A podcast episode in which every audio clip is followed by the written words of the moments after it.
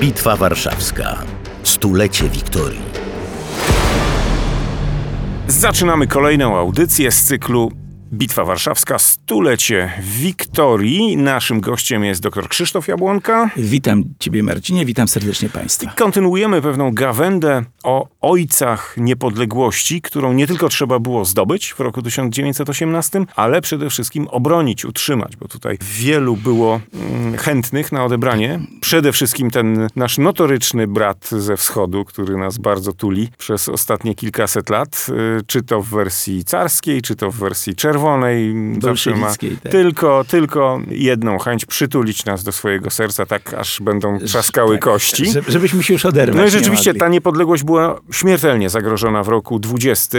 Bronili ją politycy, bronił ją w gruncie rzeczy cały naród, o czym żeśmy wielokrotnie mówili, ale naród bez siły, siły zbrojnej, niewiele mógłby poradzić. A siłą A siła zbrojną... zbrojna bez moralnej. Oczywiście, to gdyby, Co na Francji widać. gdyby siła zbrojna nie miała świadomości, że tak. stoją za nimi ludzie, Rodziny, rodziny matki, tak, żony to, to też, córki. też by nie obronili tego, Tak. mm, tego kraju. Siłą zbrojną muszą dowodzić dowódcy, którzy znają swój fach żołnierski, mają pewne wyobrażenie o tym, co się dzieje. Ci najwyżsi dowódcy powinni mieć też pewne wyczucie polityczne, choć to nie jest ich pierwsze zadanie. No i teraz rozmawiamy o tym drugim płucu. Ci, którzy pamiętają poprzednią naszą audycję o ojcach niepodległości, wiedzą, odsłuchać. tak właśnie, że Krzysztof rozrysował tutaj pewien schemat, przyrównując Wokół trochę czterech ruchów, tak, e, narodowych, czterech ruchów. Były to polityczne, Polityczne e, ruchy. różne ruchy, które tak naprawdę tworzą to jedno płuco. To drugie płuco to są przywódcy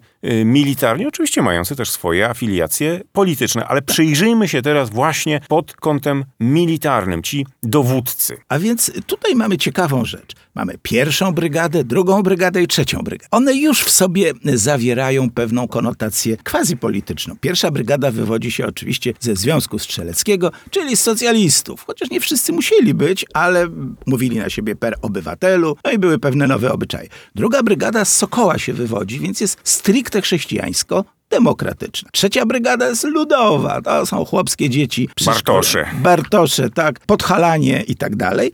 Nie ma czwartej brygady. Czwarta brygada została wymyślona później dla wszelkiego rodzaju podszywańców. Jest Tych, pierwszy, którzy się nie załapali na te pierwsze tak, trzy. się nie załapali na pierwsze trzy, a wymyślili sobie rodowód. To było przezwisko, bardzo pejoratywne. Ale jest pierwszy korpus. I to jest właśnie pierwszy korpus. Od niego zaczniemy. Józef Dowbor-Muśnicki, oficer carski, a potem patriota polski, który w okresie tak zwanego może luzu czy swobody po rewolucji. Między jedną lutowo- rewolucją a drugą, tak? znaczy, to, to był ja, ten ja okres. bym inaczej powiedział, Marcinie, wybacz mi, że mam inne zdanie, między rewolucją A a, przewrotem. No, de facto był to była, przewrót. Druga była, nie była rewolucją, a pseudo-Pipes tu świetnie udowodnił, to jest wymyślona przez Eisensteina.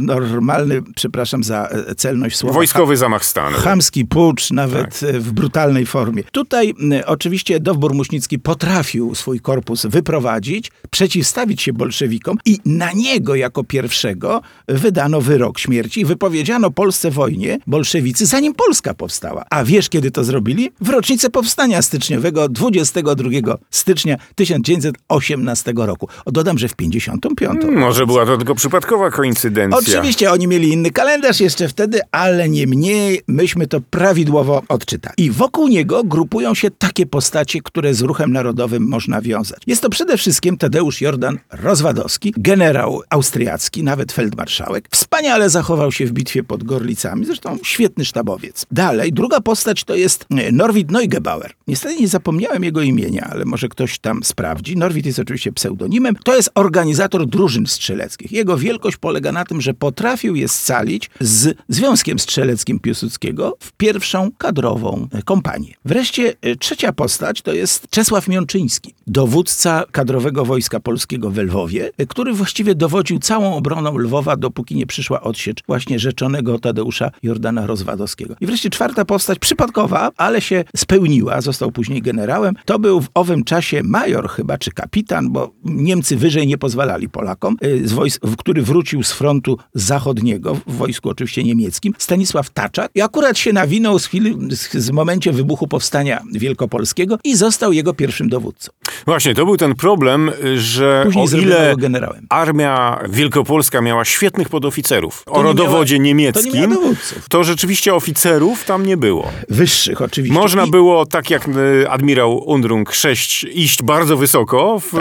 w hierarchii, jeżeli się było Niemcem, tak? Czy przynajmniej udawało się, że jest się Znaczy, Niemcem. In, o, Unruk nie udawał, tylko inni go brali za Niemca. Natomiast oczywiście został przez Piłsudskiego oddelegowany Dowbór Muśnicki i ten dowodził, świetnie zresztą zorganizował i przeszedł do historii. Niestety żałuję tu, że się nie włączył w rok 20, bo miał oferowaną. E, może byłby lepszy od niektórych dowódców, no, m, którzy, no mówiąc delikatnie, e, puściły im wtedy nerwy, ale trudno się dziwić. Ruch Sokoli, ruch chrześcijański w wojsku, czyli chłopcy, którzy byli katolikami, gorliwymi, W drużynach y, gimnastycznych. na przykład... To czy- właściwie w towarzystwach gimnastycznych, Towa- bo to były towarzy- gniazda Sokoła, Tak. towarzystwa No gimnastyczne i to były gniazda polowe i stałe. I te polowe były zorganizowane później w... e, Najpierw próbowano z nich zrobić drugi legion, to nie wyszło, bo to była Galicja Wschodnia i zrobiono drugą brygadę. Oczywiście na czele jest Józef e, Haller, ale jednym właśnie z jego umęczonych bratanków był Cezary Hallenberg-Haller, zabity. Zresztą strasznie, bo... O czym zresztą już y, rozmawialiśmy. Tak. Mało znany epizod walk, bo tak trzeba powiedzieć, polsko-czeskich. Początku XIX roku, ładnie w 20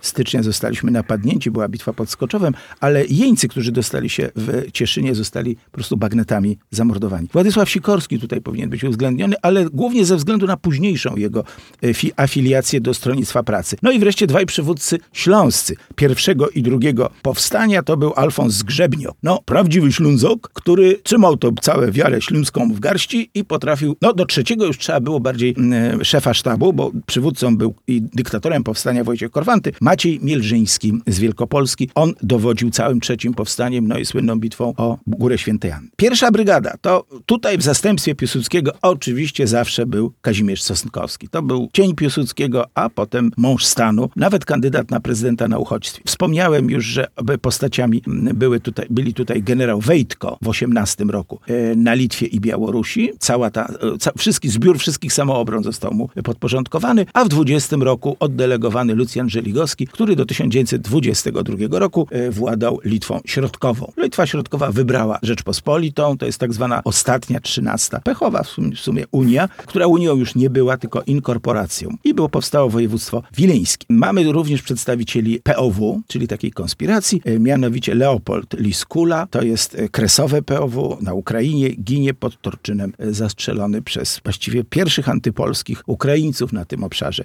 I Adam Koc, który dowodził POW-akami warszawskimi, w zasadzie był dowódcą tak zwanego małego powstania warszawskiego, które na rozkaz Piłsudskiego wybuchło 10 listopada o godzinie To jest to rozbrajanie Niemców, jak się mm, potocznie mówi. Tak, ale właśnie żałuję, że się nie mówi o powstaniu, bo to trzeba było powstać, a gdzie niegdzie 143 osoby jednak tego w ciągu tych dwóch dni zginęły. A zakończyło się o 9 rano następnego dnia, kiedy Piłsudski z Radą e, Soldaten Ratem niemieckim zawarł układ. I od tej pory już wszelkie strzelaniny były nielegalne. No i wreszcie mamy trzecią brygadę, to jest Bolesław Roja, dowódca trzeciej brygady. Niesławna postać w 20 roku. On jednak Dlaczego niesławna? Bo kojarzymy go z odsieczy Lwowa, kojarzymy Tak. go z tych walk z Ukraińcami raczej dobrze. I bardzo, Natomiast tak, a przede wszystkim z wyzwolenia Krakowa. Mhm. On poprowadził świetnie, właściwie bez wystrzału, objęcie, a zanosiło się na strzelaninę. To nie, nie, jest tak, nie jest tak znowu, że pamiętajmy, tydzień przed wyzwoleniem Krakowa przyjechał batalion Tyrolczyków uzbrojony w pierwsze karabiny maszynowe. Jezus Maria, to przecież mogli nas wystrzelać jak kaczki i trzeba było im to tak odebrać, żeby nie wystrzelili. I to się udało i to jest czasami lepsze od strzelaniny. No ale a 20 rok mówisz, że nie, w nie do 20 końca. roku coś się tam wydarzyło, e, że po nim się przejechała brygada Budionnego. W każdym razie miał potem pewne kłopoty, ale ja już w nie nie wnikam. Trzecia brygada należy mu się. Pomocnikiem jego i inicjatorem wyzwolenia Krakowa był Antoni Stawarz. Zapomniana postać, ale Zupełnie bardzo ciekawa. zapomniany, tak. Ciekawa. Proszę sięgnąć y, książkę, gdy Kraków zrzucał pęta. Tam widać, że to właściwie on zmusił Roję do działania, ponieważ kolejarze byli zagrożeni. Kolejarze już trzeci dzień strajkowali, nie chcąc wypuścić ogromnych transportów z bydłem, żywnością, naftą, no wszystkim, co na zimę potrzebne. I powiedzieli, że jak do środy Polacy nie zaczniecie czegoś, tak mówiono na patriotów, no to nas rozstrzelają. Bo rzeczywiście, bo oni tam pozmieniali zwrotnice i tak dalej. I wtedy Stawarz stwierdził, nie ma, ktoś go e, zdekonspirował, nie ma na co czekać i w mieszkaniu państw, e, pań wisłockich, które szyły kokardy biało-czerwone, miały odróżnić żołnierzy austriackich od polskich, córka tej pani zagrała Jeszcze Polska nie zginęła. I to był pierwszy hymn wolnej Polski. Pierwsze wolne miejsce niepodległe. Od tego momentu on wydał rozkazy, rozbrojono w koszarach nie Polaków. Czesi przeszli na naszą stronę, e, Ukraińców i Niemców po prostu zamknięto w komórkach. Cały 13 pułk ułanów austriackich prawie w całości chyba przeszedł, tak. przeszedł i stał się później y, bodajże polskim. ósmym pułkiem y, ułanów. Oczywiście tam, gdzie byli Polacy, nie było problemu. Y, Węgrzy pomagali też Polakom. Czesi oczywiście stanęli po stronie polskiej. I taka bardzo symboliczna w, w kontakcie do tego, co przed chwilą mówiłeś, scena wydarzyła się na dworcu w Bohuminie. Otóż Polacy wsparli podobne działania Czechów, tylko dwa dni wcześniej, 28 października, Święto Narodowe Czechów, kiedy y, to y, wyzwolono Pragę. I ogromny udział w tym wyzwoleniu wzięli prawie pięciotysięczna grupa Polaków. Czechami oczywiście Galicję gnębiono, a Polakami Czechów. I ci natychmiast stanęli po stronie Czechów w dowód uznania i szacunku. Honorowo pozwolono im pojechać do Polski z bronią. I na stacji w Bohuminie nagle jakiś inny Czech zaczął im tą broń odbierać. Że to jest Czechom potrzebna, że to jest nasza własność i tu i awantura się zrobiła wielka. A nadjechał pociąg z Krakowa, który wiózł właśnie Czechami, Czechów którzy wracali do, domu. Tak, do, I którzy też dostali broń. Wrócić z bronią dla mężczyzny to jest wrócić z honorem. I jak ci Czesi zobaczyli, że ich rodacy zabierają Polakom broń za wyzwolenie Pragi, to oddali swoją broń tamtym Polakom. No i wtedy Polacy wrócili z tym, co, czym Czesi walczyli, a Czesi z tym, co Polacy. I tak się skończył konflikt. Ale to jest Kraków. Mamy Andrzeja Galicę, prawdziwego podhalanina. Górol. Górol z krwi kości, co tu się nie złości i zorganizował drużyny podhalańskie. Uratował Podhalan przed y, uwielbieniem Cysozapana, bo do, za Cysorzem to oni byli od rzezi galicyjskiej. Dalej Dejczer, dowódca kościuszkowskich drużyn, mało znanych, dwutysięczne, ale jednak to jest taki chłopski ruch właśnie w pozostałej części Galicji. I drużyny bartoszowe dowodzone przez y, Dionizego Wawrzyniaka, które głównie w Galicji Wschodniej odciągnęły Polaków od siczowych strzelców, którzy się tam rozwijali w, obrębie narodu ukraińskiego. No i jak już mamy komplet, a jest to 5 razy 4, 20, no to po środku, ale z szacunku dla Rzeczpospolitej, niekoniecznie dla osoby, trzeciego marszałka II Rzeczpospolitej Edwarda Śmigłego. Tak jak spinamy całość polityczną postacią Ignacego Mościckiego, trzeciego prezydenta II RP, tak wojskową e, marszałkiem Śmigły. Możemy mieć do niego zastrzeżenia, ale to jednak jest marszałek. No a w środku mamy tak zwany kręgosłup od Piłsudskiego do Ferdynanda Zatrzymam się na chwilę przy tych zastrzeżeniach. Jeżeli mówisz o zastrzeżeniach, to masz na myśli zapewne rok 1939. Tak, choć nie tylko, ale wykiwanie Sławka to było paskudne. Czy on No, walki polityczne w obozie y, rządzącym są czymś zupełnie naturalnym, jak popatrzymy na historię polityczną świata.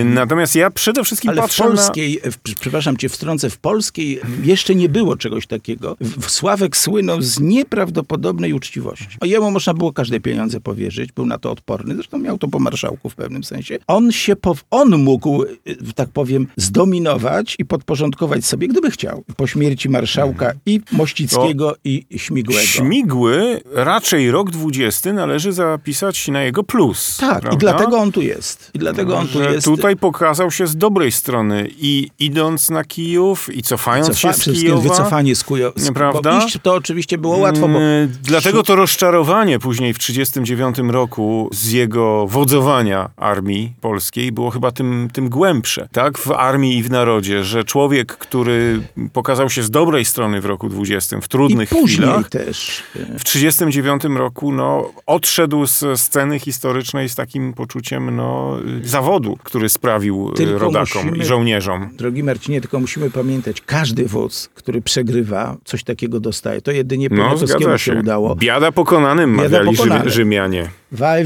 Ale tu powiem jedno. y, którzy przeżyli, tak? Tak. Bo ci, którzy giną, jak powiedziałeś, Giną. Poniatowski przegrywa nie ze swej winy, bo to cesarz y, Francuzów przegrał, a Poniatowski robi to, co rycerz w takiej sytuacji może zrobić, tak? Ginie za Polskę. Jak mawiali samurajowie, służba jest ciężka jak góra, śmierć jest lekka jak piórko. I tymi O, sło- piękne A, no, słowa. Pięknie opisuje się- postawę tak. wojownika wobec rzeczywistości.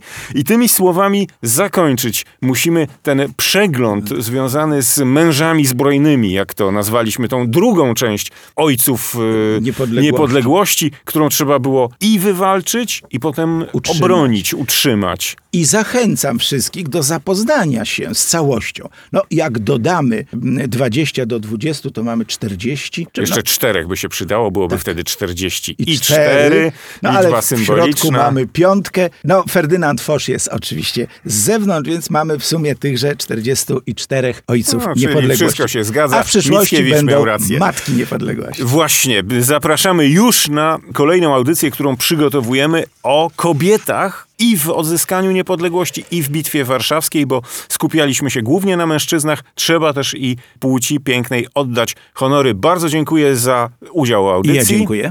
Państwu także dziękuję za uwagę. Marcin Bąk, do usłyszenia. Dofinansowane przez Polską Fundację Narodową.